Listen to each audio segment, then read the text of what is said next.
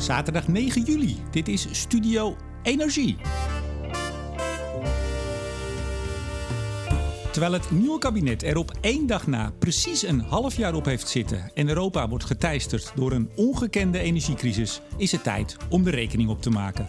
Hoe gaat het in Nederland nu echt met de energietransitie en ons klimaatbeleid?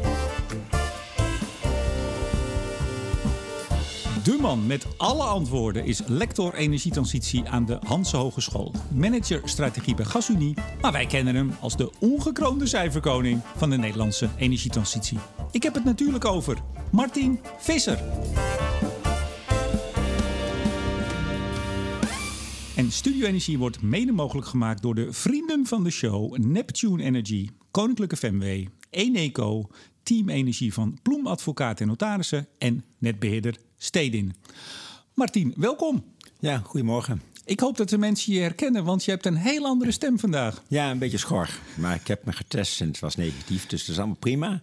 Maar een iets andere stem. Ja, en uh, je bent ook niet ziek, eh, want je zegt nee. ik zou gewoon aan het werk zijn gegaan. Gewoon koffie gedronken. Ook nog eens, nou dan, dan, dan gaat het goed met, uh, met, met de koning. lekker terug van vakantie, alweer eventjes, maar vier weken weg geweest. Ja, klopt. D dan is de eerste vraag natuurlijk, waarheen? Ja, dat was een, een rondreis. Ik heb zo'n zo'n woonwagen. Dus ik moet eens per jaar op de Duitse autobaan rijden. En, maar we zijn in dit geval zijn we naar Frankrijk geweest, twee plaatsen. En nog, ik heb een zus in Zwitserland en daar zijn we ook nog een weekje geweest. Ja, je hebt een camper dus, denk ik. Zei Niet een camper, nee, nee, een ouderwetse caravan. Oh, wel een caravan? Ja. Uh, uh, Jill is een caravan, jij een caravan. Het is allemaal een beetje in de caravanhoek, hè? Hier. Ja, het begint een beetje ouderwets te worden als je zo op die camping staat. Want praktisch iedereen heeft een camper. En wij doen het met een caravan, dus maar het is prima. Ja, goed, ja, Jille schiet mij meteen in het hoofd. Want wij zitten in Hotel Wientjes, jawel, in de club. Waar, waar ik normaal met, uh, met Jille zit. Het kwam allemaal zo goed uit. Jij vanuit het hoge noorden, ik vanuit Amsterdam. Dus we zitten weer bij Hotel Wientjes met lekkere koffie. Nou, wat willen we nog meer? Uh, 4 januari zaten we ook, uh, uh, Martien.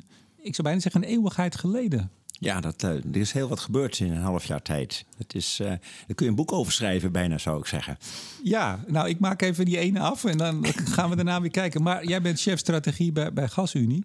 Nou ja, gas, wat mo moet ik er meer over zeggen? Ik kan me voorstellen dat jij in je hele werkzame leven nog nooit zo'n turbulent half jaar hebt gezien. Ja, dat kun je wel stellen, denk ik. Ja, dat is, ja, uh, wat, waar we voor vreesden is eigenlijk gebeurd. Terwijl uh, ja, Noordwest-Europa, waar we hier wonen, ja, onvoldoende was voorbereid. Dus nu wordt in alle macht wordt er geprobeerd op alle manieren uh, ja, de Russische gasleveranties te vervangen. En deels ook deels te vervangen en deels door energiebesparing of door andere energievormen het gasgebruik te verlagen. Ja, nou, jullie hebben nog wel eens wat adviezen gegeven als GTS, zeg ik dan maar even. GasUnie Transport Services. Uh, luister het kabinet niet naar. Uh, ze hebben wel naar je geluisterd en naar meer mensen dat de kolencentrales weer vol open moeten. Daar was je ook een voorstander van, hè? Ja, daar heb ik uh, ja, ook wel een beetje voor gelobbyd. Het doet natuurlijk als gasman een beetje zeer. Maar ja, in dit geval denk ik dat ja, de leveringszekerheid van energie toch veel belangrijker is. Ja. Nou, we gaan het uiteraard hebben over. Ja, dit is de grafiek van het jaar uitzending. Had ik dat al gezegd? Nee, volgens mij niet. Maar dat is het wel. Grafiek van het jaar. Uh, jouw grafieken van de dag, die gaan nog steeds als de brandweer. Hè? Ik bedoel, en ook in je vakantie, volgens mij, jij slaat geen dag over. Nee, ik, ik heb geprobeerd en het is me gelukt om elke, elke dag toch minstens, tenminste één of twee grafieken te publiceren. Uh, maar verder heb ik het wel heel rustig aan gedaan hoor. Dus dat het was goed te doen. Dus dan zit jij in die caravan? Of had je de hele. Je bent een maand weg geweest. Heb je die hele maand vooruit geprogrammeerd? Of heb je, heb je in de caravan met een laptop ja, letterlijk gewoon s'avonds. Ja, wat ik vaak doe is de grafiekjes maak ik over het algemeen s'avonds. En ja, die kun je dan inplannen zoals ze de volgende dag verschijnen. En dan dus op die dag kun je, overdag heb je geen, geen omkijken naar. En dan s'avonds maak je weer een grafiekje of meerdere en dan heb je voor een paar dagen vooruit. Nou, wij gaan vandaag kijken hoe we ervoor staan. Ik zei het al in de intro. Nou, jij weet dat als geen ander. Um, we gaan ook naar voren kijken natuurlijk. Hoe doen we het met onze hernieuwbare energie, de percentages, onze uitstoot, uitstootreductie, et cetera. Dat gaan we doen aan de hand. En wie ons volgt op social media, die weet het al. Aan de hand van 15 vragen die we op 25 mei in een afgeladen theater diligentia, mag ik toch zeggen? Het was heel vol. ehm, hebben uh, ja, gesteld aan de zaal. Hoe vond je het als quizmaster, Martien? Ja, het was voor mij een nieuwe ervaring, zo op zo'n groot toneel te staan. Maar het is hem achteraf reuze meegevallen en ik vond het zelfs leuk. Nou, kijk eens aan. En, en eh, luisteraars, eh, voor degenen die erbij waren, die weten het. Maar wie er niet bij waren, dat zijn de meesten natuurlijk. Want er luisteren veel meer mensen dan er intelligentia pas. Hij deed fantastisch. Dankjewel. Je kwam daar met een soort, ja, alsof jij uh, altijd al quizzen had gepresenteerd. Nee, ik vond het ontzettend leuk. Je deed ontzettend goed. We hadden een winnaar. Wie was dat? Ja, dat was Jos Verberg. En dat was ook wel een hele bijzondere winnaar. Als een good old, grand old man van de energie in Nederland. Ja, uh, ooit uh, directeur-generaal energie geweest in de jaren tachtig uh, bij, bij EZ. Um, en, en dat is heel gek, Martin, dat ga je niet geloven. Ik zat gisteravond, zat ik dit toch even voor te bereiden, deze uitzending. En toen zag ik pas, ik wist dat natuurlijk wel, hij was oud-baas van de Gasunie. Uh, volgens mij is hij jouw baas nog geweest. Ja. En dat heb ik me op het moment dat hij won uh, op geen seconde gerealiseerd. Oh, bijzonder. Ja, nee, ik heb uh, toch vrij intensief met hem samengewerkt in diverse functies. Ja, want dus... anders had ik uiteraard de grap gemaakt op het podium dat jij hem waarschijnlijk de antwoorden had toegespeeld. en dat was echt niet het geval. Dat was echt niet het geval. Het is gek, hè, dat, dat, dat je dan. Ik weet dat jij bij Gasunie, ik weet dat hij er zat. Maar het was ook zo'n leuke, leuke middag. En ook hoe hij, want hij bleek er dus elf goed te hebben. Van de 15. Dat is heel veel. Dat is heel veel. Dan weten de mensen die uh, meespelen, die de vraag al gezien hebben op social media, die weten dat 11 was de top. Ik wil er toch even bij zeggen: er waren twee andere mensen die ook uh, 11 goed hadden. Henry Lotons, jawel, en uh, Bart Gombert. En in de shoot-out vraag hebben ze het helaas moeten afleggen, voor hun dan helaas, tegen George Verberg. Heb je zijn enquête-interview nog gezien? De gas-enquête Groningen? Ja, daar heb ik even naar gekeken. En dat was toch, uh, ja. Uh, ook omdat ik van, van een enige afstand uiteraard, maar dat toch heb meegemaakt in die tijd. Ja. Heb, zeker al in de tijd van Jortsma ook. Uh, toch heel interessant hoe die mensen terugkijken op die periode ja, ook reflecterend soms. Ja, nou, uh, iedereen die het niet gezien heeft, die kan het nog terugkijken. Je kunt bij het debat gemist, uh, dat kan je via tweedekamer.nl, debat gemist. Nou, dan kun je het allemaal ook nog eens terugkijken. Ja, spannend. Nou ja, ik weet de antwoorden allemaal al natuurlijk. En een aantal mensen ook, maar ik vind het toch nog spannend. Want we gaan het over veel meer hebben dan alleen maar die 15 vragen. Sommige zullen er misschien een beetje snel doorheen doen. Andere blijven wat langer bij stilstaan. Want dit is natuurlijk grafiek van het jaar. Vraag 1. Martin Visser. Op welk percentage hernieuwbare energie, niet elektriciteit, energie, koers Nederland dit jaar af? 31 december, waar staan we dan? Oh ja, wat waren de antwoorden? Moeten we nou de multiple choice ook doen? Nou, dat hoeft eigenlijk niet. Nou, hè? hoeft eigenlijk niet. Nou, jij, de, de, opties waren 9%, 12%, 15% en 18%. Ja, en eigenlijk is was dat een inkoppertje. Want Nederland heeft zich ooit voorgenomen om in 2023 16% te zitten. Ja, dan zit je in 2022 op 15 procent. En daar zitten we ook inderdaad. En wellicht zelfs nog wel wat hoger, omdat we dit jaar relatief weinig energie gebruiken dankzij de warme winter. Kijk eens aan. Dus we liggen op koers. We liggen uh, makkelijk op koers om die 16% te halen. Maar vorig jaar, 2021, waar zijn we toen op uitgekomen? Ja, dat is uh, een beetje de discussie nu nog. Uh, ongeveer op 13 procent. Dat had ik ook in januari gezegd. 12,8 had ik toen gezegd. Uh, CBS heeft gezegd 12 procent in een, een, publicatie. Maar degene die die publicatie of de persverklaring volledig hebben gelezen... die hebben gezien dat CBS een paar categorieën biomassa niet meer heeft meegeteld. In het totaal niet. En dat komt omdat per 1 juli 2021, dus alweer een jaar geleden... Um, de Europese Commissie heeft gezegd van bio, biomassa moet wel heel duurzaam zijn om mee te mogen tellen. En we zijn nu een jaar verder, maar dat is nog steeds niet uitgewerkt. Dus mm. er is twijfel. En dat gaat dan met name om de grootschalige inzet van biomassa voor warmteproductie en voor elektriciteitsproductie. Ja, nou, als, uh, als dat niet mee zou mogen tellen, dan hebben we heel veel landen, heel veel grote, heel duurzame landen die hoog in de, in de rangorde staan. Die hebben een enorm probleem, want dan mag het gros van hun energie niet meer meetellen. Ja, dat is een gigantisch probleem. Hè. Neem Denemarken met uh, enorme biomassa-inzet voor haar warmtenetten. Mm-hmm. Ook veelal geïmporteerd. Net. En, of Zweden, die eigenlijk de volledige Zweedse industrie, zou je kunnen zeggen, draait haast op uh, biomassa, houtafval. Ja, maar ik denk dat een aantal luisteraars nu uh, een, een, kleine juichkreet slaken. Die zeggen, hè, hè, gelukkig eindelijk die biomassa. In, in Brussel dringt nu ook door dat die biomassa slecht is. Ja, in ieder geval dat die duurzamer moet. Uh, ja, wat er uit de, uit de onderhandelingen in Europa komt, daar heb ik geen zicht op. Mhm. Maar vooralsnog uh, zou ik me niet te vroeg juichen als tegenstander van biomassa. Maar reken er maar op dat als men daar nog een keer heel goed naar kijkt, dat toch men zal concluderen dat het grootste deel, of misschien wel alle inzet van biomassa voor energiedoeleinden uh, tot de hernieuwbare categorieën hoort. Ja, ja, maar even, ook als het die 13% is van jou, dat is geen 14%. Nee, En maar- 14 moesten we in 2020, of eigenlijk vanaf Ja. 2020 halen. Moeten wij weer bij de Denen of ergens anders voor een Ja. flink bedrag een procentje gaan kopen? Nee, dat hoeft niet. Eh, ik heb gekeken. Als je de Europese regelgeving kijkt, dan zie je dat we in 2020 moest Nederland 14% halen. Nou, we zaten in 2020 op 11,5. Dus we moesten 2,5 bijkopen. A 200 miljoen. A 200 miljoen, 170 geloof ik dat geworden is, maar vooruit. Oh, gel- 30 in ieder geval, eh, dat hebben we over moeten maken aan de Denen voor een puur administratieve verrekening. Want er gebeurde verder eh, op energiegebied helemaal niets. Eh, maar als je dat jaren later niet zou halen, eh, dan is de enige verplichting dat je een plan inlevert bij Europa om het later alsnog te gaan halen. En dat hebben we natuurlijk ingeleverd, want dan is dat, dat is het klimaatakkoord. Is toch ook raar, hè? Ja, Eigenlijk. dat, is, ja, dat zijn de regelgeving. Ook Europa keek destijds niet verder dan 2020. En hij dacht niet na over wat erna moest gebeuren. Ervan uitgaan, nou, als het dan eenmaal gehaald is, dan gaat het daarna wel stijgen. Ja, ze hebben natuurlijk ook niet. eh, we hebben die 11,5% ook mede dankzij corona gehaald. Anders was het nog iets lager geweest. En dus, ach. En aan de aan de andere kant, we gaan goed in Nederland. Hè. Het was 10 11,5 in 2020, eh, zeg maar 13 in 2021. En dit jaar komen we boven de 15. Dus dat zijn echt flinke stappen die we aan het zetten Maar omdat zijn. we dus ook minder energie gebruiken, hè? Dit jaar. Ja, dit jaar is het weer Dus dan kom je ook wat hoger uit Ja, dan je- kom je hoger dan de 15, komen we dicht in de 16 misschien wel tegen. Maar zeg maar bij normaal energieverbruik zou het ongeveer 15 zijn geweest. Kijk eens aan. Nou, we gaan het straks nog even hebben over eh, eh, wat meer naar de toekomst. Hoewel we het eigenlijk nu al een beetje besproken hebben.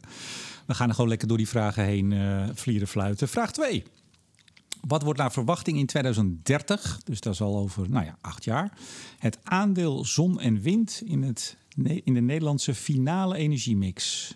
Zon en wind, dus we hebben het even niet over allerlei andere zaken. Zon en wind.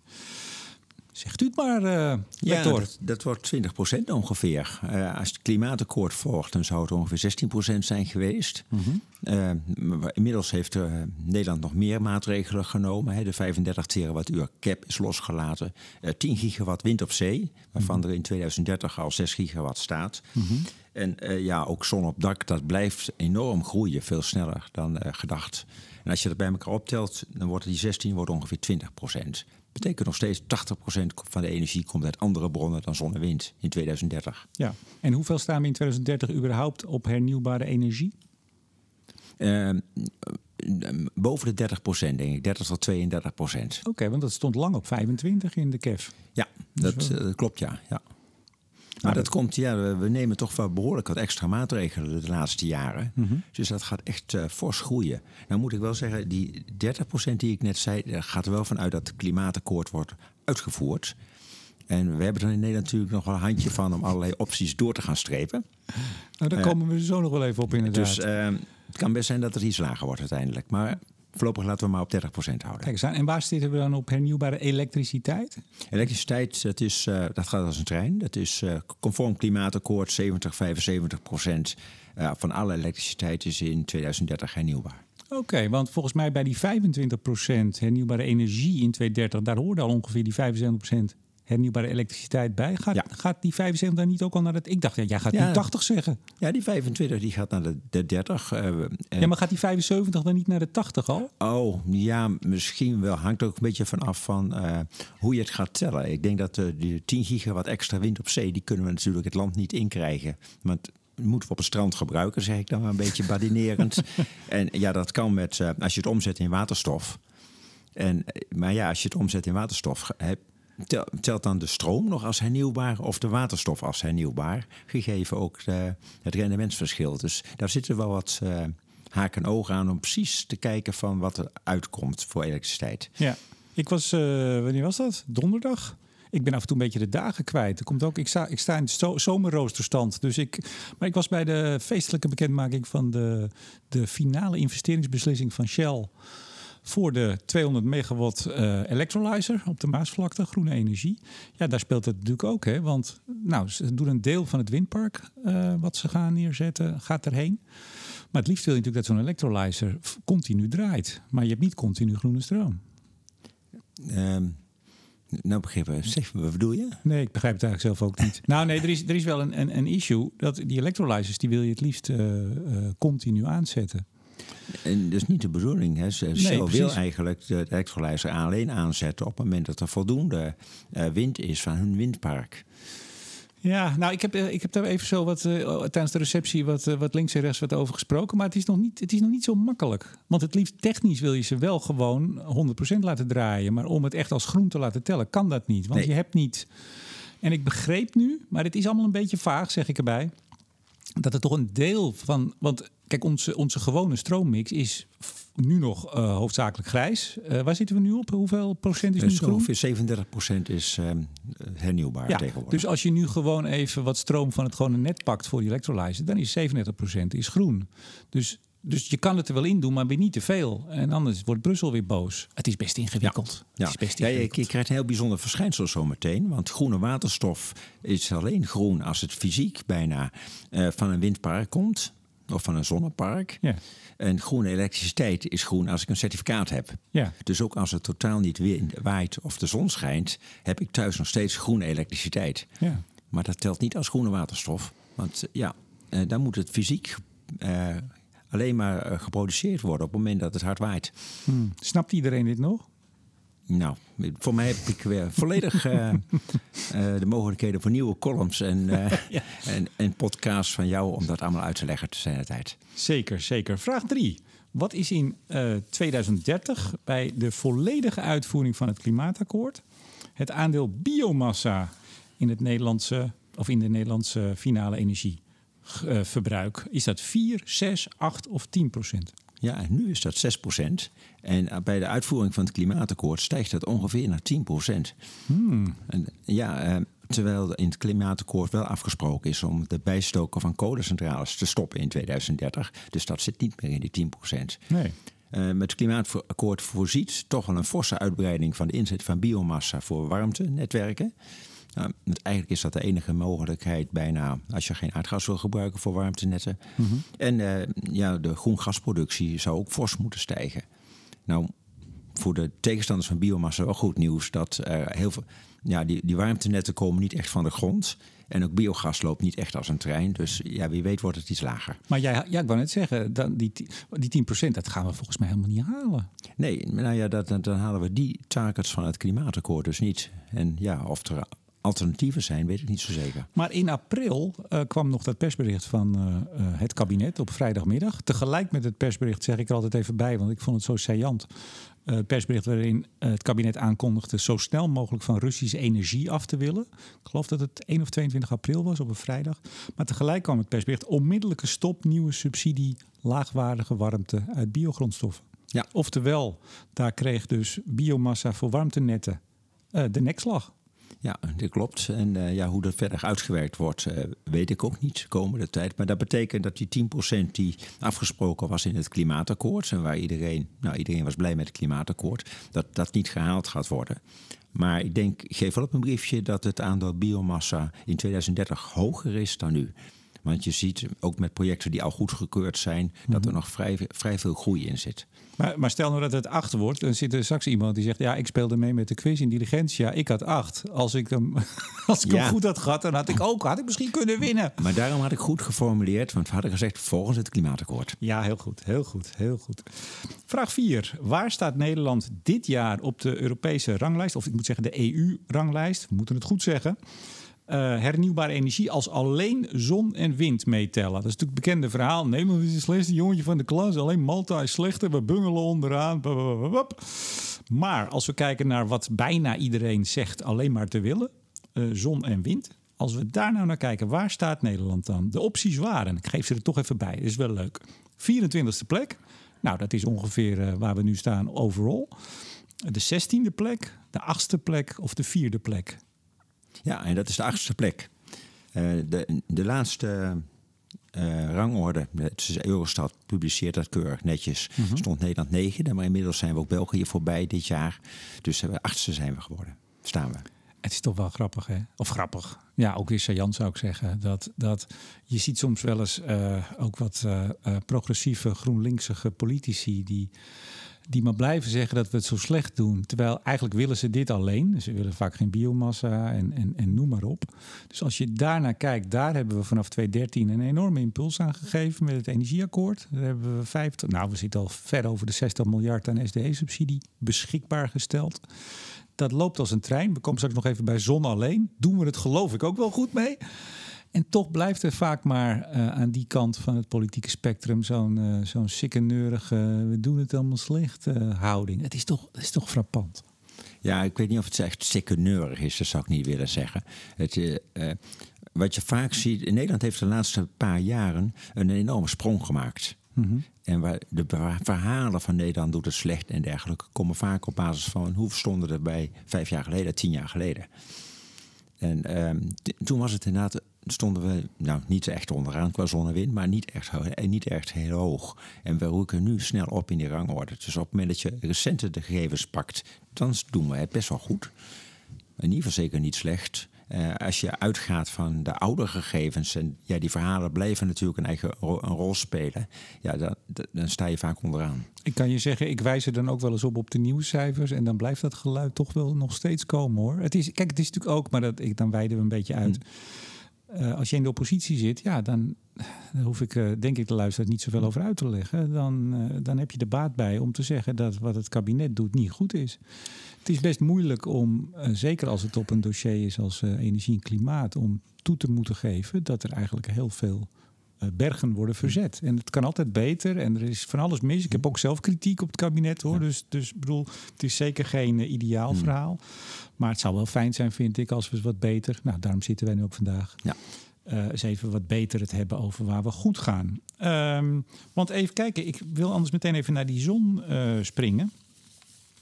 Uh, de positie van zon. Hadden we daar ook een aparte vraag over of niet? Nee, hè? Nee, volgens mij niet. Nee. Maar waar, staat, waar staat Nederland als we het alleen hebben over zon en alleen over het vermogen per inwoner? Per inwoner staan we eerste. Yes! Gewoon eerste. Alleen Australië, wat ook vaak verketterd wordt vanwege zijn kolen en zijn gas enzovoort. Australië staat eerste in de wereld qua hoeveelheid zon per inwoner. En Nederland staat tweede. Ja, zon, zonvermogen, opgesteld vermogen. Uh, zonvermogen. Ik denk dat het, het zou me niet verbazen als het ook de productie van zon is zelfs. Ja, maar die hebben heel weinig mensen en een heel groot land en heel veel zon. Ja, en bovendien dus hebben ze, zien zij voor zichzelf een verdienmodel om van al die zonne-energie waterstof te maken en dat te gaan verkopen in de hele wereld. En daar wordt heel fors op geïnvesteerd.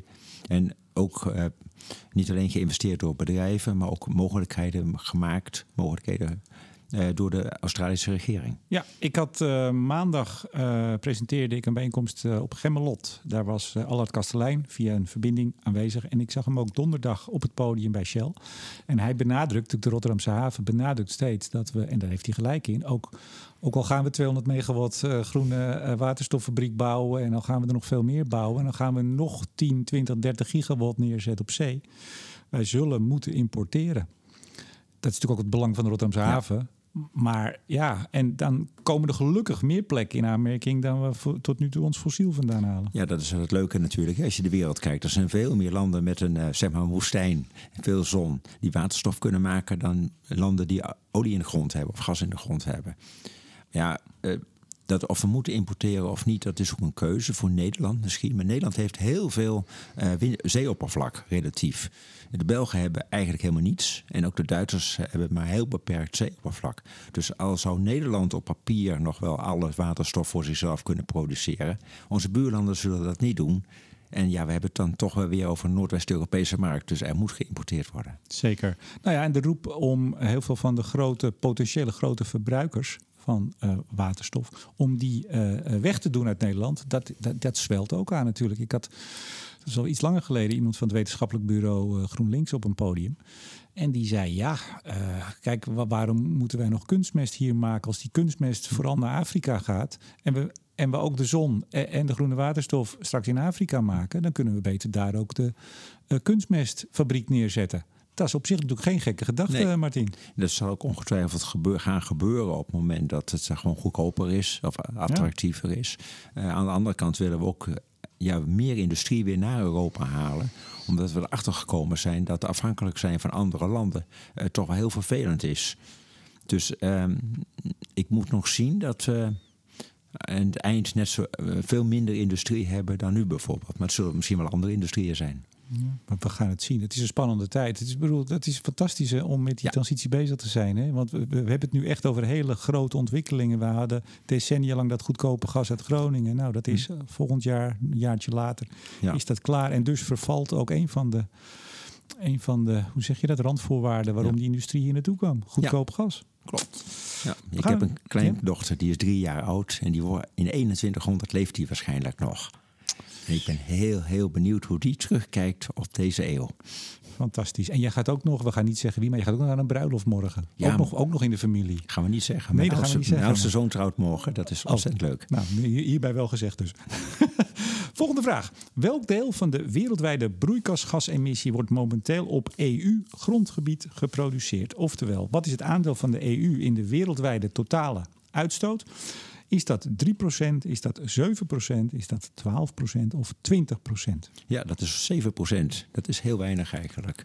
Eh, ja, wij vinden natuurlijk de EU wel heel belangrijk met 400 miljoen mensen, 500 miljoen mensen. En eh, is ook heel belangrijk. En we zijn een Europese grootmacht, maar uiteindelijk zijn we maar een heel klein deel van de hele wereld.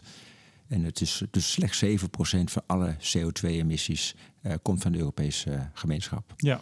En dan moet je altijd zo oppassen als je dit zegt. Ik heb dat aan de lijf wel eens ondervonden. Want zodra je dat zegt, heb je ook mensen die zeggen... oh, wat wilt u daar dan mee zeggen? Dat, het, dat we hier niks hoeven te doen? Nee. Zeker niet, want we niet. wij zijn een rijk, rijk stuk van de, en een slim stuk van de wereld, innovatief. Dus wij kunnen het verschil maken door technologieën te ontwikkelen en toe te passen die elders in de wereld ook kunnen worden gebruikt. Ja. Moet, moeten we wel. Nou ja, ik moet wel zeggen, dat zeg ik ook altijd, en dat is ook zo. Eh, wij, wij kunnen in die zin de koploperspositie nemen en proberen de rest van de wereld mee te krijgen. Nou, de, de CBAM, de, de, de grenscorrectie eigenlijk, hè, waarbij als wij iets importeren vanuit China bijvoorbeeld, moet er afgerekend worden, omdat zij Hmm. geen eh, hoge CO2-prijs in hun producten verwerken, of überhaupt een prijs. Uh, maar nu met, met de wereldwijde spanningen, en ik heb wel eens het gevoel dat we nog maar aan het begin staan. Dat zei Poetin trouwens uh, uh, vandaag ook. Uh, we nemen dit Ja. op vrijdag op. Van we zijn nog niet eens begonnen. Nou, China loopt zich ook warm voor bijvoorbeeld Taiwan in te nemen. Hm. En is daar ook heel duidelijk over. We gaan gekke tijden tegemoet. Jouw, jouw kleindochter, die kan nog wel eens op hele gekke dingen terugkijken Ja, de dat- komende jaren. Ja, dat is, het is een spannende tijd en, eh, waar samenwerking eigenlijk noodzakelijk is om het klimaat eh, en het CO2 te reduceren in de wereld. Ja, zie je dat partijen tegenover elkaar gaan staan. Tja, en het, het kan zo zijn dat, en laten we het niet hopen, en daarom moet men in Brussel voorzichtig schakelen, uh, dat de, Europese Unie zich op een gegeven moment uit de wereldmarkt prijst. Hè? Dat, is, dat is de andere kant, als je het te hard doet of verkeerd. Ja, en dus wat dat betreft is het heel spannend, of ja, best wel spannend of interessant zou kunnen zeggen, hoe CBAM uiteindelijk gaat werken. Want je kunt wel de kale technische rekensommen maken en dan zeggen we, ah, jij doet het fout. Maar uiteindelijk spelen ook altijd politieke motieven een, ro een, rol om te zeggen van nou, staal wat uit China komt, daar gaan we vanuit dat dat met duurzame bronnen geproduceerd is. Dus dat krijgt geen belasting. Of Ja. juist wel. Ja. Nou ja, wat ik al zei, het, zijn spannende tijden en eh, we, we hebben genoeg te bekijken, te analyseren, te becommentariëren. Dat is in die, dan wel, in die zin dan weer, weer leuk aan. De formele Nederlandse emissie, vraag 6, was vorig jaar 164,3 megaton. We hebben het natuurlijk over broeikasgas, uiteraard. Hoeveel emissie veroorzaken we wel, maar tellen we niet mee? Is dat 40, 60, 90 of 120? Dus nogmaals, 164 is officieel, 164,3 dus, onze uitstoot. Maar hoeveel uh, tellen we niet mee? 40, 60, 90 of 120? Ik weet nog, toen jij het antwoord gaf in Diligentia, toen ging er wel een soort oh door de zaal. Ja, dat klopt, ja. Want? Je, je, hoort nog wel eens van Nederland is een exportland. Dus wij produceren heel veel CO2 voor het buitenland. Maar er is een, door het Centraal Planbureau een, een, rapport uitgegeven, Brede Welvaart. Interessant rapport overigens. Mm -hmm. En daar staat wel een ander getal in. Want Nederland produceert, of zorgt netto voor, export minus import, dat in het buitenland nog 90 megaton CO2 of broeikasgas extra wordt uitgestoten. Ja. Dus het is anderhalf maal wat we eigenlijk normaal te- meetellen. En die extra uitstoot, daar zit vliegverkeer in, maar Ja. dat is maar een heel klein beetje. De grote eh, uitstoot die veroorzaken wij door de spullen die wij importeren uit andere landen en die bijvoorbeeld in China worden gemaakt. Ja, ja. Nou ja, daar moeten we iets aan doen, zeg ik dan maar meteen. Ja, we willen tegelijkertijd minder afhankelijk worden van andere landen. En zijn ook a- wat je importeert, daar ben je afhankelijk van. Maar dat betekent wel dat je die productie, die nu die 90 megaton CO2 produ- eh, uitstoot, dat je die naar je toe haalt. Vandaar mijn opmerking net. eh, je kunt wel heel makkelijk eh, scenario's maken waarin wij bijna geen industrie meer hebben. Maar als je tegelijkertijd eh, je, je, ja, je, je robuustheid van je maatschappij in stand wil houden, dan komt er ook een hoop industrie weer terug. Nou ja, maar, precies als je die robuustheid in stand wil houden. En eh, we hebben ook de robuustheid van ons energiesysteem de afgelopen eh 10, 20 jaar eh, niet in stand gehouden. Dat klopt. Maar wat dat betreft denk ik dat de huidige crisis wel een geweldige wake-up call is. En in het begin, moet ik zeggen, heb ik nog ook lezingen gegeven. En ik zei van, nou ja, dit is tijdelijk. En na negen maanden zijn we het allemaal weer vergeten. Maar inmiddels denk ik dat we dit niet meer gemakkelijk vergeten. Maar, maar Martien, ik, ik, ik help het je hopen. Ik ben daar wat eh, voorzichtiger in. Eh, gisteren bra- bracht persbureau Bloomberg eh, het bericht dat minister Jette het kabinet aan Duitsland heeft gevraagd of ze de kerncentrales niet toch open willen houden. Die laatste drie die eind dit jaar dichtgaan. Dan ben je wel flink laat natuurlijk. Want ik bedoel, een kerncentrale sluiten, dat doe je niet een, een dag van tevoren. Dat is een heel plan wat al jaren in gang is gezet. Dus wij vragen nu aan Duitsland of ze alsjeblieft de kerncentrales langer open willen houden. Maar wij, ik had er nog even een tweetje van gemaakt. Dit kabinet zei eh, in maart nog, maart hè, dat is nog heel kort geleden, was zeer teleurgesteld dat de Ja. Onyx-centrale, de kolencentrale, niet dichtging. Eh, in april werd dus eigenlijk gewoon biomassa voor warmtenetten. Toch een, kan een aanzienlijk Hmm. aandeel zijn in het afkomen van gas. Eh, dat hebben ze gekild. Gewoon onder de bus gegooid. Klaar onmiddellijke stop op nieuwe subsidies. En nog steeds willen we geen gas uit Groningen winnen. Over robuustheid gesproken. Ja, nou ja, Groningen kan altijd natuurlijk nog. Maar die andere twee, dat is eenmalig. Hè. Als je dat mee stopt, dan zet je dat niet makkelijk Nee, maar ik bedoel die, de- de- het idee dat we... we- zijn nog steeds proberen we Ja. eh, eh, niet scherp aan de wind te varen, maar, maar gewoon, het kan eigenlijk niet. Nee. Wij, wij, wij, wij, wij willen niet robuust zijn, blijkbaar. We gaan alles op het randje doen. Dat is, ik vind het echt, ja, ik zeg het, ik vind het onverantwoordelijk. Ja, Een kabinet wat op deze manier, eh, en dus ook, ik zeg het nog steeds, de vier fracties erachter, de vier partijen. Het zijn niet alleen maar het kabinet eigenstandig, die hebben de steun of niet, maar ze hebben de steun van vier coalitiepartijen. Dit is gewoon echt ontzettend veel risico lopen met je maatschappij. Ja, en uiteindelijk betalen de burgers en bedrijven de rekening. Want we zien torenhoge energieprijzen op dit moment. Maar ik heb het idee dat er nu de laatste paar maanden, dus zeker de laatste maand, toch wel een kentering aan het komen is. Ook zo'n brief naar Duitsland. Ik hoop dat er ook een brief naar België gaat trouwens. Want die willen ook twee hele grote kerncentrales sluiten. de- juist oktober en in februari. maar die deze hebben al winter. gezegd dat ze het waarschijnlijk wel proberen uit te stellen, dacht ik. Hè? Daar was Ja, al wat ik, eh, meer. ik weet niet zo zeker. Ik, eh, ik, eh, misschien, laten we het hopen.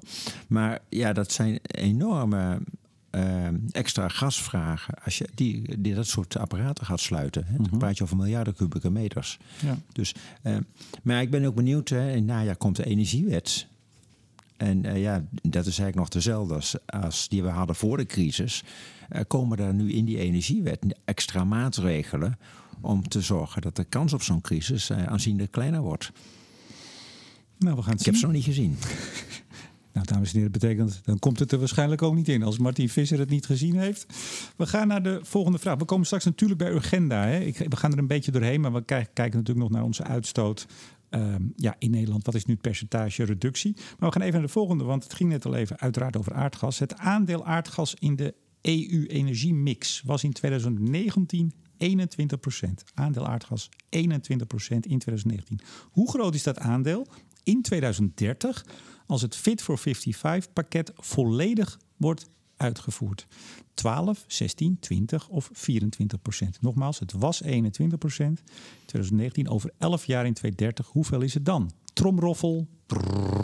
Ja, 20 procent. En dat betekent dat in het Fit for 55 pakket het aandeel aardgassen in de energiemix in Europa niet verandert.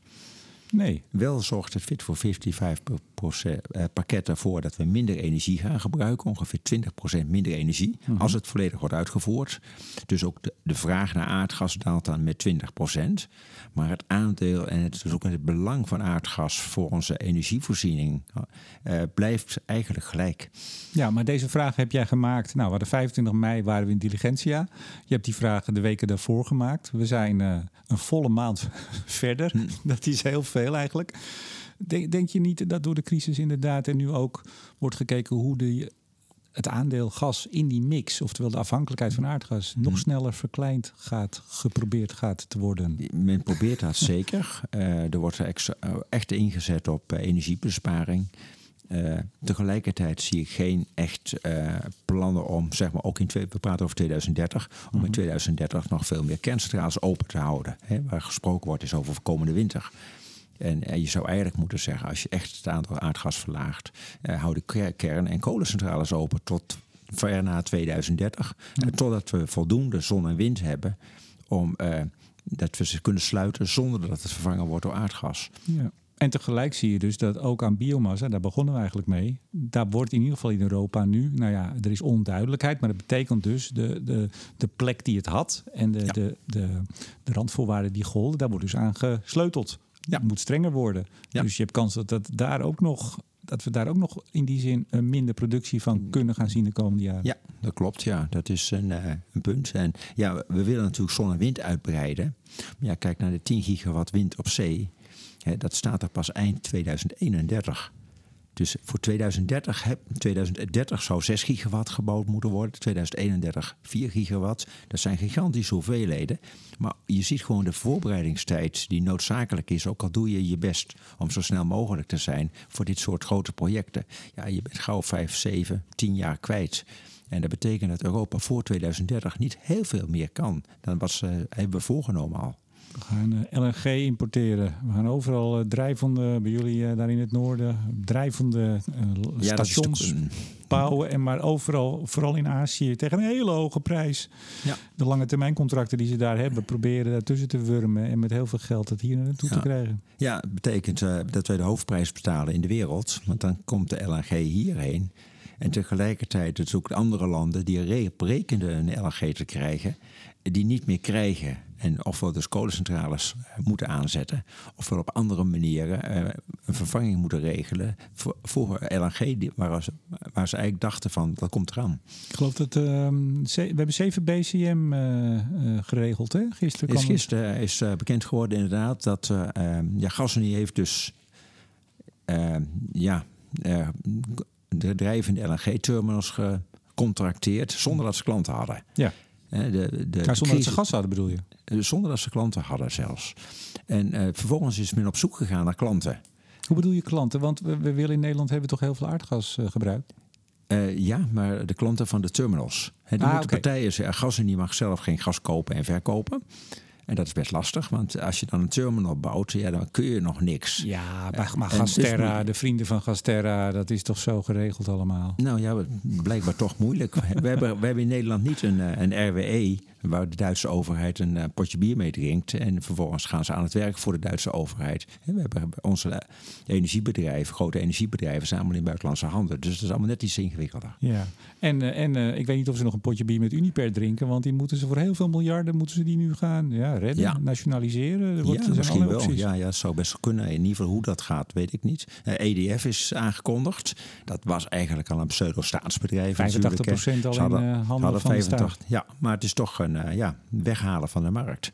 En uh, nou, Misschien gaan wij wel weer ook in Nederland een nationaal energiebedrijf beginnen. Ja, wie weet. Het is best lastig om vanuit de huidige situatie weer terug te gaan naar een nationaal energiebedrijf.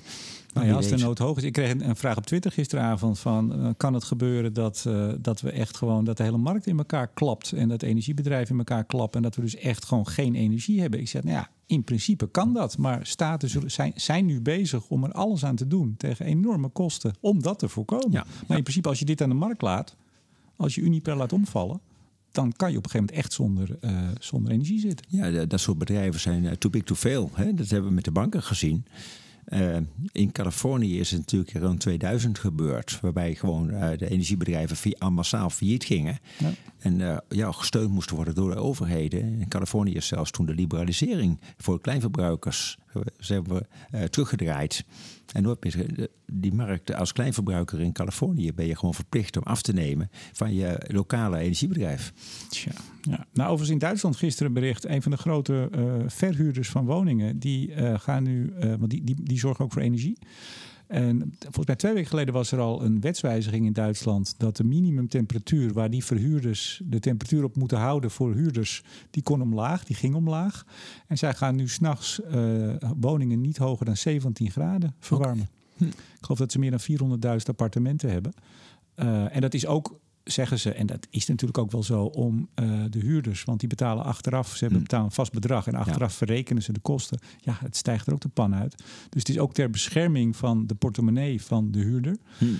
zeggen ze. Maar tegelijk ben je natuurlijk je vrijheid om te zeggen, ik wil hem op 18, ben je kwijt. Ja. Het is, is ongelooflijk hoe hard dit gaat. We gaan snel door, want we zitten al op 40 minuten en we zijn bij vraag 7. Dus dit, uh, dit wordt een marathonuitzending. Nee, we hebben, ook, we hebben ook nog makkelijke korte vragen. We gaan er nu een paar doen even. Uh, het was het vierjarig jubileum in Diligentia van Studio Energie. Dus jij hebt de vraag: stel we geven Remco 1 petajoule energie cadeau. Nou, dankjewel, zeg ik dan meteen.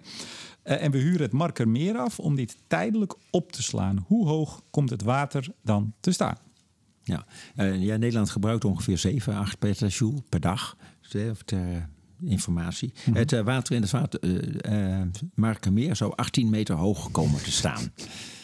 Uh, wat laat zien dat met stuwmeren je wel energie kunt opwekken, maar alleen als ze heel groot zijn en een heel hoog uh, hoogteverschil hebben. Ja. En dat heeft het Markermeer natuurlijk niet. Nee, dus, dus de, dat, laat maar zitten dan, zeggen Ja, laat maar zitten dan ook. En uh, stel je voor dat je het elke dag zou willen gaan gebruiken... dan moet je dat water ook nog ergens kwijt. en het IJsselmeer, als je dat zou gebruiken als andere buffer... dan zou 10 meter hoger komen te staan. Maar dat en dat kan dus ook niet. Dus eigenlijk kun je maar de helft van dat maken meer gebruiken als je die buffer eh, dagelijks zou willen ja. benutten. Moet nog wel even dijkjes omheen dan. Worden hele hoge dijken. Ik weet niet of die Amsterdammers zich nog zo veilig voelen dan.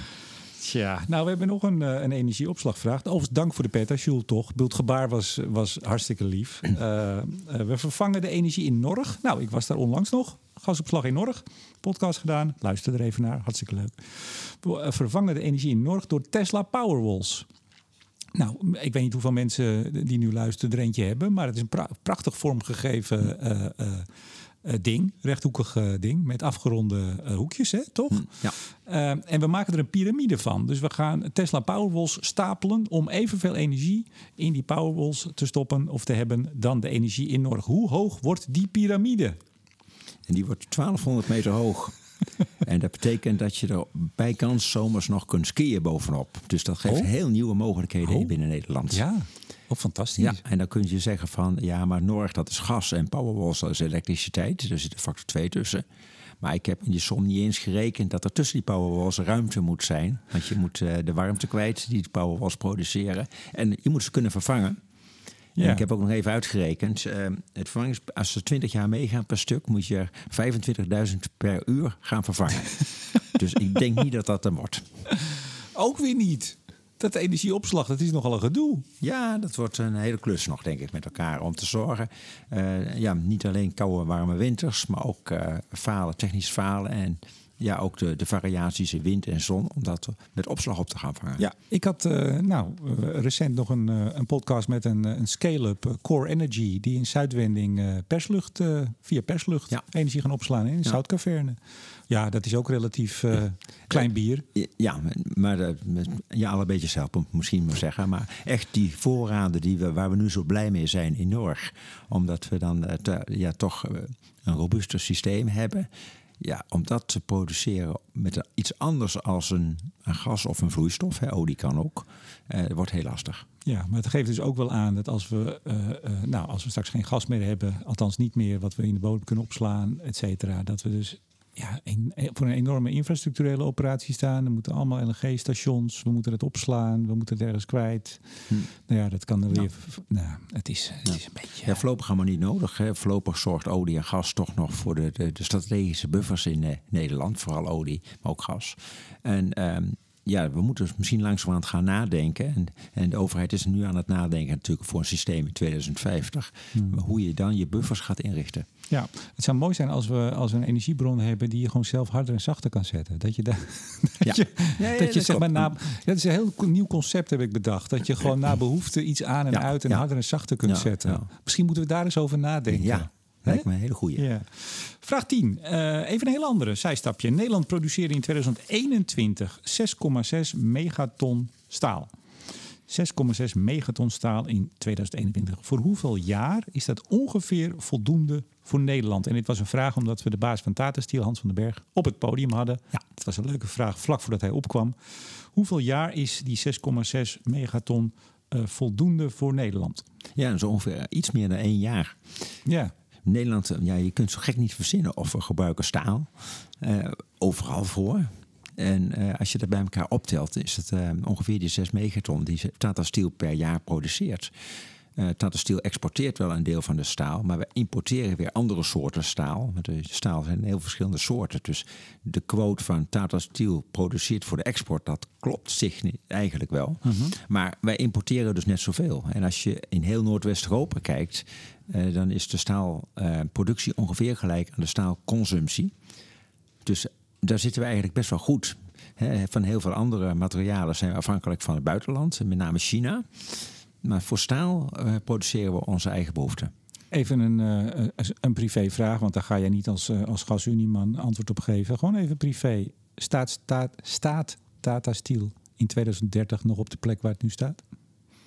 Ehm, ik denk het wel. Ik denk het wel. En dat heeft er mede mee te maken dat we steeds meer doordrongen worden. En dat we strategische industrieën op Europa, in Europa zelf moeten hebben. En niet ons, niet ons afhankelijk maken van Taiwan of India of verzinbaar een land. Want er kan van alles gebeuren. Maar denk je niet dat de rechters eh, hier een, eh, een, een, een stok in de wielen, zou ik dan bijna zeggen, gaan steken? Politiek kan er op een gegeven moment nog wel die bereidheid zijn. Maar we zien, we hebben het in het, het vonnis van, van eh, Shell gezien. We hebben het in het Urgenda-vonnis gezien. Eh, men loopt zich warm voor rechtszaken tegen Shell. En dan gaat het, oh, pardon, eh, Tata Steel. En dan gaat het met name over de lokale uitstoot. De, de, ja, ik zeg maar even de foute stoffen die daar vrijkomen. Eh, waar de rapporten zich eh, opstapelen, wat, wat daar neerkomt. Jonge kinderen, de effecten. Op een gegeven moment zegt de rechter: nee, dit kan niet meer. Dit accepteren we niet. Dit moet, moet dicht. Denk jij dat niet? Of ben, ben ik te ja, somber? Ik, ik, ik- ja, ik weet niet meer. Ik probeer altijd positief mens te zijn. En je ziet inderdaad rechtelijke uitspraken op details... eh, waarbij het grote plaatje eh, vergeten wordt eigenlijk. Terwijl het eigenlijk een belangenafweging moet zijn. Eh, het zou kunnen zijn dat, dat dat ook gaat gebeuren. Maar laten we maar hopen dat de Nederlandse rechtspraak zich ook realiseert... wat de consequenties kunnen zijn van hun uitspraken. En Ja. Dus dat nog meer gaan. te- Eigenlijk, de Hoge Raad is daar wel een beetje mee bezig. Misschien wel is dat een van de positieve dingen van de toeslagenaffaire. Dat ze nu begrijpt dat ja, je kunt wel de letter van de wet eh, beoordelen. Maar als je niet kijkt naar de consequenties, dan kunnen er de dingen behoorlijk misgaan. Maar we, we zitten in spanning te wachten op de uitspraak in de stikstofzaak. Ik zeg maar even Portos. Eh, het gaat Ja. meer over de, de, de methodiek, maar het is opgehangen aan zo'n proefproces aan Portos. Eh, nou, ik hoor toch heel veel mensen eh, achter de schermen die zeggen: Nou, ik zie, ik zie het wel misgaan. In de zin dat dat verboden wordt. Die methode, daarmee Portos, eh, nou in ieder geval twee jaar vertraging oploopt. Dat is mijn inschatting. En misschien nog wel langer. Ehm, en daarmee heel veel andere projecten. Dus ook Windpark op Zee kunnen dan ook Ja. allemaal niet meer. En ja, dat heeft toch ook te maken met het, het, de, wet, de wetten die er liggen. En Hmm. die hebben wel uiteindelijk eh, de Tweede Kamer gemaakt, Ja. de wetgever. Dus als je dat allemaal wil gaan herstructureren... en dan moet je dus harde keuzes Hmm. gaan maken. En ik denk dat heel veel politieke partijen zich helemaal klem hebben gezet. Dat ze Ja. en heel veel Natura 2000 gebieden... en heel veel natuur op allerlei gebieden... en geen uitstoot. Het, het verhoudt zich... Het, het is niet meer samen te brengen bij wat we tegelijk willen aan verduurzaming, aan nieuwe energie. Ja. Ik zie het niet bij elkaar komen voorlopig. Nee, dat eh, ben ik met je eens. Eh, we hebben ons als maatschappij denk ik helemaal vastgezet. Eh, onze wendbaarheid verloren. Eh, en in het verleden hadden we ook al die, wel heel veel van dit soort wetten. Maar we probeerden er altijd een beetje polderend en gedogen tussenuit te komen. En een, optimum te bereiken, zodat alle belangen werden gediend. En je ziet nu eigenlijk een soort, eh, ja, misschien ook wel verharding van de maatschappij. En ook van de wetgevers. en, of de, in ieder geval de rechters, waarbij we kijken van, nou ja, als er twintig, uh, 20 variabelen zijn, dan kan ik op elk van die twintig variabelen apart kan ik gewoon mijn eisen stellen, want het staat in de wet. Ja. En, en uh, ja, het gaat best wel heel lang duren, denk ik, om wetten aan Precies. te passen. Ja. Aan, uh, zodat we weer wendbaarder worden als samenleving. Ja. Moet minstens weer één of twee kabinetten vallen. Ik denk Daarover. dat het veel langer gaat duren. Ja, ja, ja, ja, ja, zeker. Maar en we, en we zijn onze robuustheid ook verloren. Do, door alles maar proberen bij elkaar te brengen. En wegen en huis en alles. En Natura 2000. En, maar in ons energiesysteem zijn we volledig, is mijn mening, onze robuustheid kwijt. Ja, dat klopt. En de, ook die nieuwe energiewet die er weer ligt. Uh, alles wordt tot in detail geregeld. En uh, nou, iedereen kan zo naar de wetgever stappen en dingen eisen en uh, verbieden proberen te laten verbieden. Uh, ook dat laat nog niet zien dat we aan het veranderen zijn. Ja, nou, hè, zijn we helemaal somber. We gaan naar vraag 11. We gaan gauw door. Uh, in 2020 werd er mondiaal 40 megaton CO2 onder de grond gestopt. Nou, dat is ook een heet hangijzer, hè? CCS in Nederland. Daar hebben we het natuurlijk over. Hoeveel moet dat mondiaal in 2030 zijn? Dus nogmaals, in 2020 40 megaton. Hoeveel moet het in 2030 zijn volgens het net zero scenario van het Internationaal Energieagentschap? En dat wil dus zeggen net zero uitstoot in 2050. Daar de weg naartoe. 40 megaton in 2020. Zeg het maar. Hoeveel ja. moet het worden? En dat wordt 1600 megaton.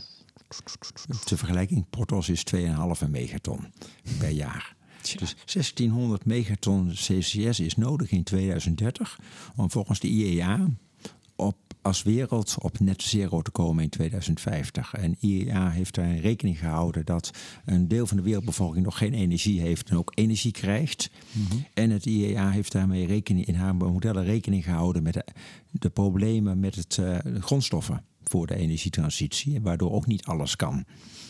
En als je met die twee randvoorwaarden rekening houdt, dan is er massaal hoeveelheid uh, CCS nodig. En een van de antwoorden was 1600 megaton. Ik had ook een antwoord 4000 megaton opgeschreven.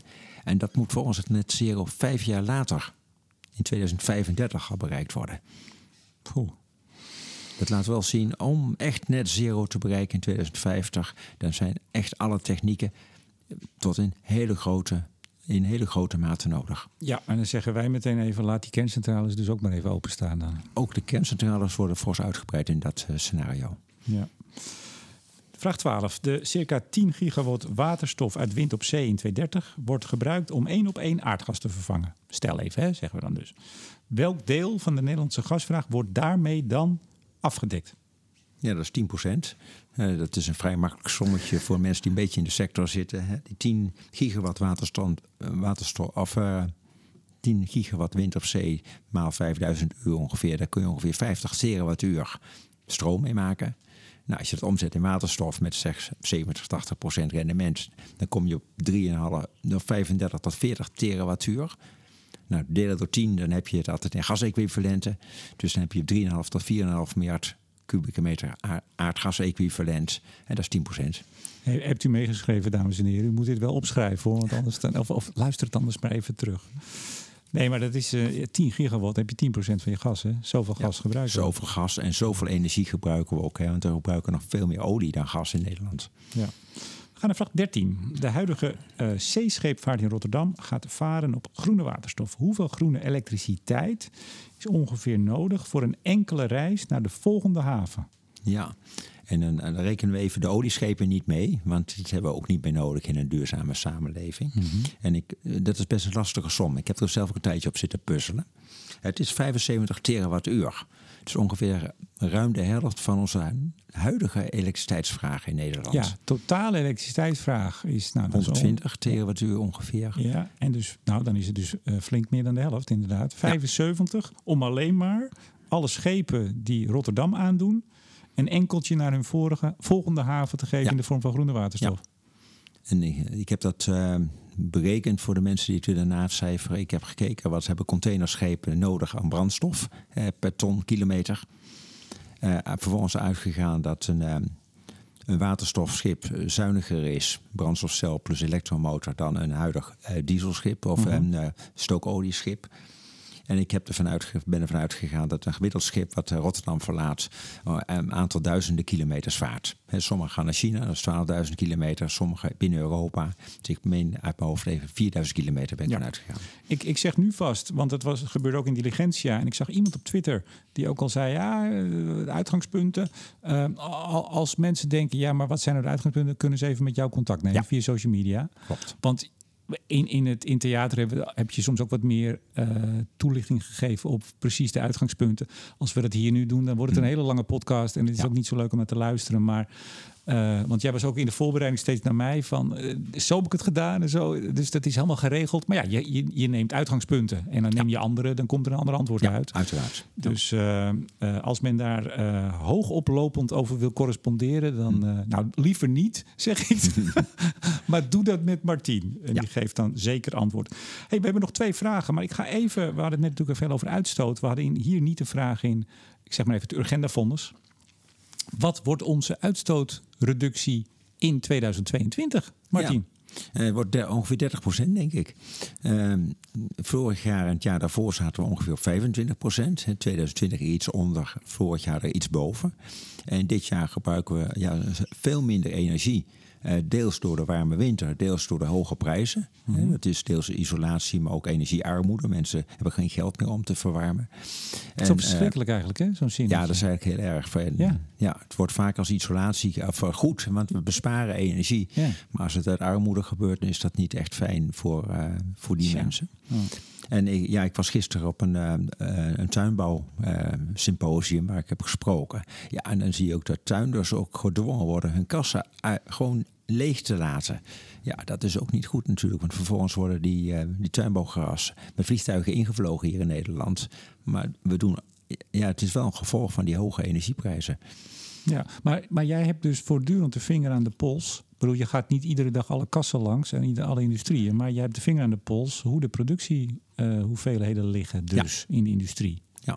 Het, uh, er wordt, nou ja, hoe, hoe ze produceren weet ik niet. Maar ik nou weet ja. wel hoeveel gas ze gebruiken. Precies. En uh, ja, je ziet dus nu ongeveer 25% minder gas gebruiken als een jaar eerder. -huh. Maar, maar 30% Urgenda, dus 30% reductie ten opzichte van 1990. Ja. Dat was het vonnis. dat eerste jaar hebben we, want je zei net zaten we onder de 25. Maar volgens mij hebben we het eerste jaar in 2020 hebben we hem gehaald. Ja. En 2021 net niet of net wel? Waarschijnlijk net, net niet. Hè? Ja, dat is nog steeds spannend. Hè? Want de, de voorlopige cijfers zouden zijn net niet.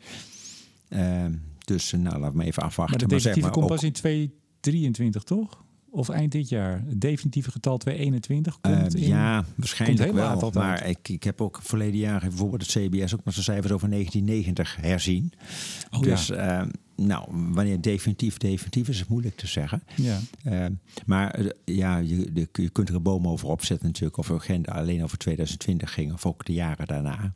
Maar zeg maar, we hebben het ongeveer bijna gehaald of bij net niet of net wel. Maakt niet zoveel uit. Maar dit jaar, tot nu toe, het eerste half jaar, hebben we 10 megaton CO2 minder uitgestoten dan het, hetzelfde half jaar vorig jaar. Ja.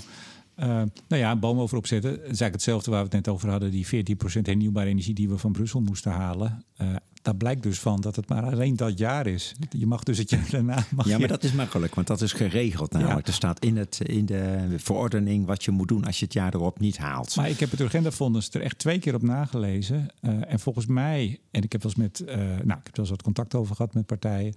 Uh, het staat er niet letterlijk volgens mij dat het in 2021, 2023 hmm. ook zo moet zijn. Maar het is natuurlijk wel in de, de geest ja. van, de, van, de, van het fonds is ja. natuurlijk... het is minimaal die 25 procent in 2020 hmm. en daarna ook. Lijkt, het lijkt me wel logisch. En ik denk dat als uh, Minnesma, Marjan Minnesma Urgenda weer naar de rechter zou stappen... dat ze absoluut gelijk krijgt. Ja. Maar denk je dat ze dat doet als we het net ik niet heb halen? geen idee. Ik het zal toch het niet? Het gaat gezegd. over misschien 1, 2 tienden? Ja, dat uh, klopt. En het zal nog heel lang duren voordat we het echt zeker weten. Dat zei ik al. Het wordt mm. soms ook met terugwerkend kracht nog bijgesteld. En dit jaar zitten we er zo heel veel zonder. En het, het, kabinet heeft natuurlijk nadrukkelijk heel veel maatregelen ook genomen om die CO2-uitstoot verder terug te brengen. Ja, dat betekent wel dat we door het Urgenda-fonds toch een extra uh, impuls hebben gekregen. Dat we sneller zijn gaan reduceren in Nederland. Ja, ik denk, het heeft zeker effect gehad. Heel goed. Ehm, we hebben nog twee vragen. Vraag 14. Dankzij kerncentrale Borselen bespaart Nederland aardgas voor elektriciteitsproductie. Voor welke gemeente is dit voldoende? En er waren vier leuke opties. Is dat genoeg voor de gemeente Den Haag, Eindhoven, Roosendaal of het Westland? Of Westland heet dat, hè? Zeg het maar. Ja, en dat is gemeente Westland. dat is heel bijzonder. Uh, Westland is best een grote gemeente, trouwens, 100.000 mensen. Maar het is vooral de tuinbouw die daar staat. En die hebben heel veel gas nodig voor eigen, eigen gebruik. Maar ze zijn dus ook een, bij elkaar een grote elektriciteitsproducent voor Nederland. En vandaar de, in Westland wordt uh, iets van 800, 900 miljoen kubieke meter gas per jaar gebruikt. Zo. Overigens, mijn beste tweet aller tijden was dat toen ik ooit heb geschreven dat de kerncentrale Borselen ons 100.000 kub gas per uur bespaarde. Dat is de tweet voor mij die het meest geliked en geretweet is. Kijk eens aan, en dan hebben we het over enorme aantallen. Dat zijn grote hoeveelheden. Ja. Dat zijn hele grote hoeveelheden, ja. Ja, het retweets bedoel je en likes. Oh ja. ja. Um, we gaan naar de slotvraag. En er komt straks nog een bakje koffie. Ik heb even tussendoor ah, koffie besteld. Als mensen ook een klein knipje in de band horen straks. In de hm. band. In de, in de opname. Dan heb ik even koffie besteld. Ja, we zitten al een uur. Vraag 15. En dat was een hele leuke. Het was ook in de zaal een hele leuke slotvraag.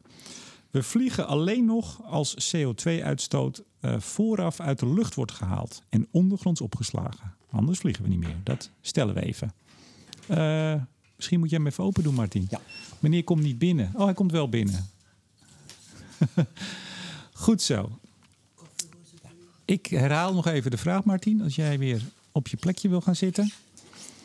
Uh, we vliegen alleen nog als de CO2-uitstoot vooraf uit de lucht wordt gehaald en ondergronds opgeslagen. Wat kost een retourtje Amsterdam-New York vandaag dan extra? En er waren vier opties. Uh, is dat 100 euro extra? Is dat 500 euro extra? 2000 of 5000? Om dus je totale uitstoot uh, te compenseren of nou, ja. te voorkomen dat het de lucht in gaat. Nou, zeg het maar. En het goede antwoord is 500 euro. En het gaat om een retourtje Rotterdam of een retourtje New York. Ja. En dat is een relatief laag bedrag. Ja. En heel veel mensen zullen het er best wel voor over hebben om nog steeds te vliegen naar New York. Om daar op die manier die CO2 echt te compenseren. Ja, volgens mij was er wel, eh, ik weet niet meer of het in de zaal was of op Twitter, maar het was in ieder geval was het wel precies 500. Maar ja, mensen, het gaat niet op de euro nauwkeurig, hè? Eh, ik heb, de getallen zijn of 100 of 2000. Nou, dan is 500 het beste. Uh, het IPCC zegt, als je zegt trouwens, dat met de huidige techniek, dat je nu al voor 200 euro per ton CO2 uit de lucht kunt halen. Nou, reken nog even heel ruim 100 euro onder de grond stoppen. Dan zou je het voor 300 euro eh, kunnen doen. Want een retourtje in New York veroorzaakt ongeveer 1 ton CO2. Ja, ik heb overigens geen enkel idee wat, een, wat gewoon een retourtje in New York sowieso kost. Heb jij een idee? Nee, dat uh, zou ik ook niet weten. Ik, ik, denk altijd 1000 euro, maar ik zit er vast heel veel naast. nou ja, het zal geen 500 zijn, toch?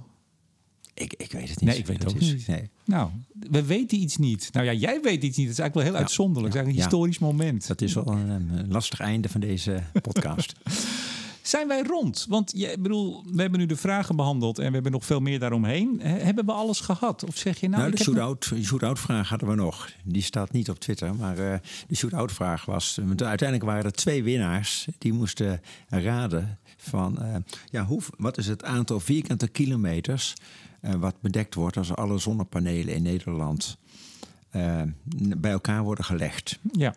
En het goede antwoord was 88 vierkante kilometer. Ja. En uh, ja, die Jos had er het dichtst bij. Dus ja. die was de winnaar. Ja, Henry en Bart. Die, uh, ja, er was nog even oneenigheid in het Henry-Bart-team. Want de ene riep het al. En dat hebben wij als antwoord geaccepteerd. Toen ja. zeiden de ja, maar ik had een ander antwoord. Ja, dat was dan pech. Maar ze zijn weer genoemd, hè. Ze, ze hebben ook elf goed gehad. Wat echt heel uitzonderlijk was. Elf goed van deze vijftien vragen. Ja, dat is heel knap. Ik had het een paar mensen, deskundigen, in de week gelegd vooraf. En 11 was beter dan de beste score. We moeten er ook wel heel eerlijk bij zeggen: we hebben niet gecontroleerd of ze ze echt goed, hadden. goed nee, hadden. Nee, maar er was geen reden, denk ik, om, uh, om, je, om, je, uh, nee, om de zaak uh, een beetje nee. te vernachelen. Ik bedoel, iedereen kon zelfs. en de wet, ik, het leuk is, ik heb alles laten fotograferen deze keer. Ik vond het wel leuk om eens, nou, één keer goed alles vast te leggen. Mooie foto's van jou ook. Heb ik je die gestuurd al? Ik heb je op Twitter gezet. Ja, op Twitter heb ik ze wel gezien. Maar oh, die stuur ik je nog. Ja. Die ik, ja, maar jij was op vakantie natuurlijk. Ja. Jij, was, met- jij bent meteen vertrokken. Ja. Je- Diligentia en hup, meteen een maand weg. Meteen jij weg, bent meteen ja. gevlucht. Ja, die stuur ik je nog. Maar da- dan zie je ook met foto's van achter in de zaal... hoe mensen allemaal met, met hun telefoons om, om het ding even op te schrijven... of nou, misschien ook wel op te zoeken. Dat mag natuurlijk ook. Maar men was er erg druk mee bezig. Heb je nog, nog laatste dingen, eh, los van de shootout vraag... dat je zegt, nou, dit wil ik toch nog even de luisteraars meegeven... Mm, over de stand van onze transitie. ja, nou ja, een deze dagen denk ik gaat de eerste offshore windturbine eh stroom produceren van het nieuwe Vattenfallpark. Ik Eh, weet niet Hollandse precies. kust. Ja, Hollandse ik- kust, nog iets, weet ik nog niet iets, ja, precies. er zijn er zoveel. Maar ik ben benieuwd, maar dat is toch wel eh, het is echt een gigapark, 1500 megawatt. Ja. En eh, stap voor stap eh, wordt het komende jaar komen, worden die molens aangesloten. En dat is toch weer een nieuwe mijlpaal. Het eerste subsidieloze park. De kabel betalen we wel met elkaar, maar de, de molens niet. En dat is toch, een, eh, een- ja, toch weer een mooie stap richting een eh, meer duurzame toekomst. Zeker, zeker. Nou, dat is een mooi slotwoord, Martien. Veel dank voor deze grafiek van het jaar. Graag gedaan. En ik zou zeggen, tot over een half jaar. Doen we. En uiteraard bedank ik ook jullie, beste luisteraars. En in het bijzonder alle vrienden van de show. Waaronder Neptune Energy, Koninklijke FMW, Eneco, Team Energie van Ploem Advocaat en Notarissen. En netbeheerder Stedin. Mijn naam is Remco de Boer. Graag tot een volgende keer.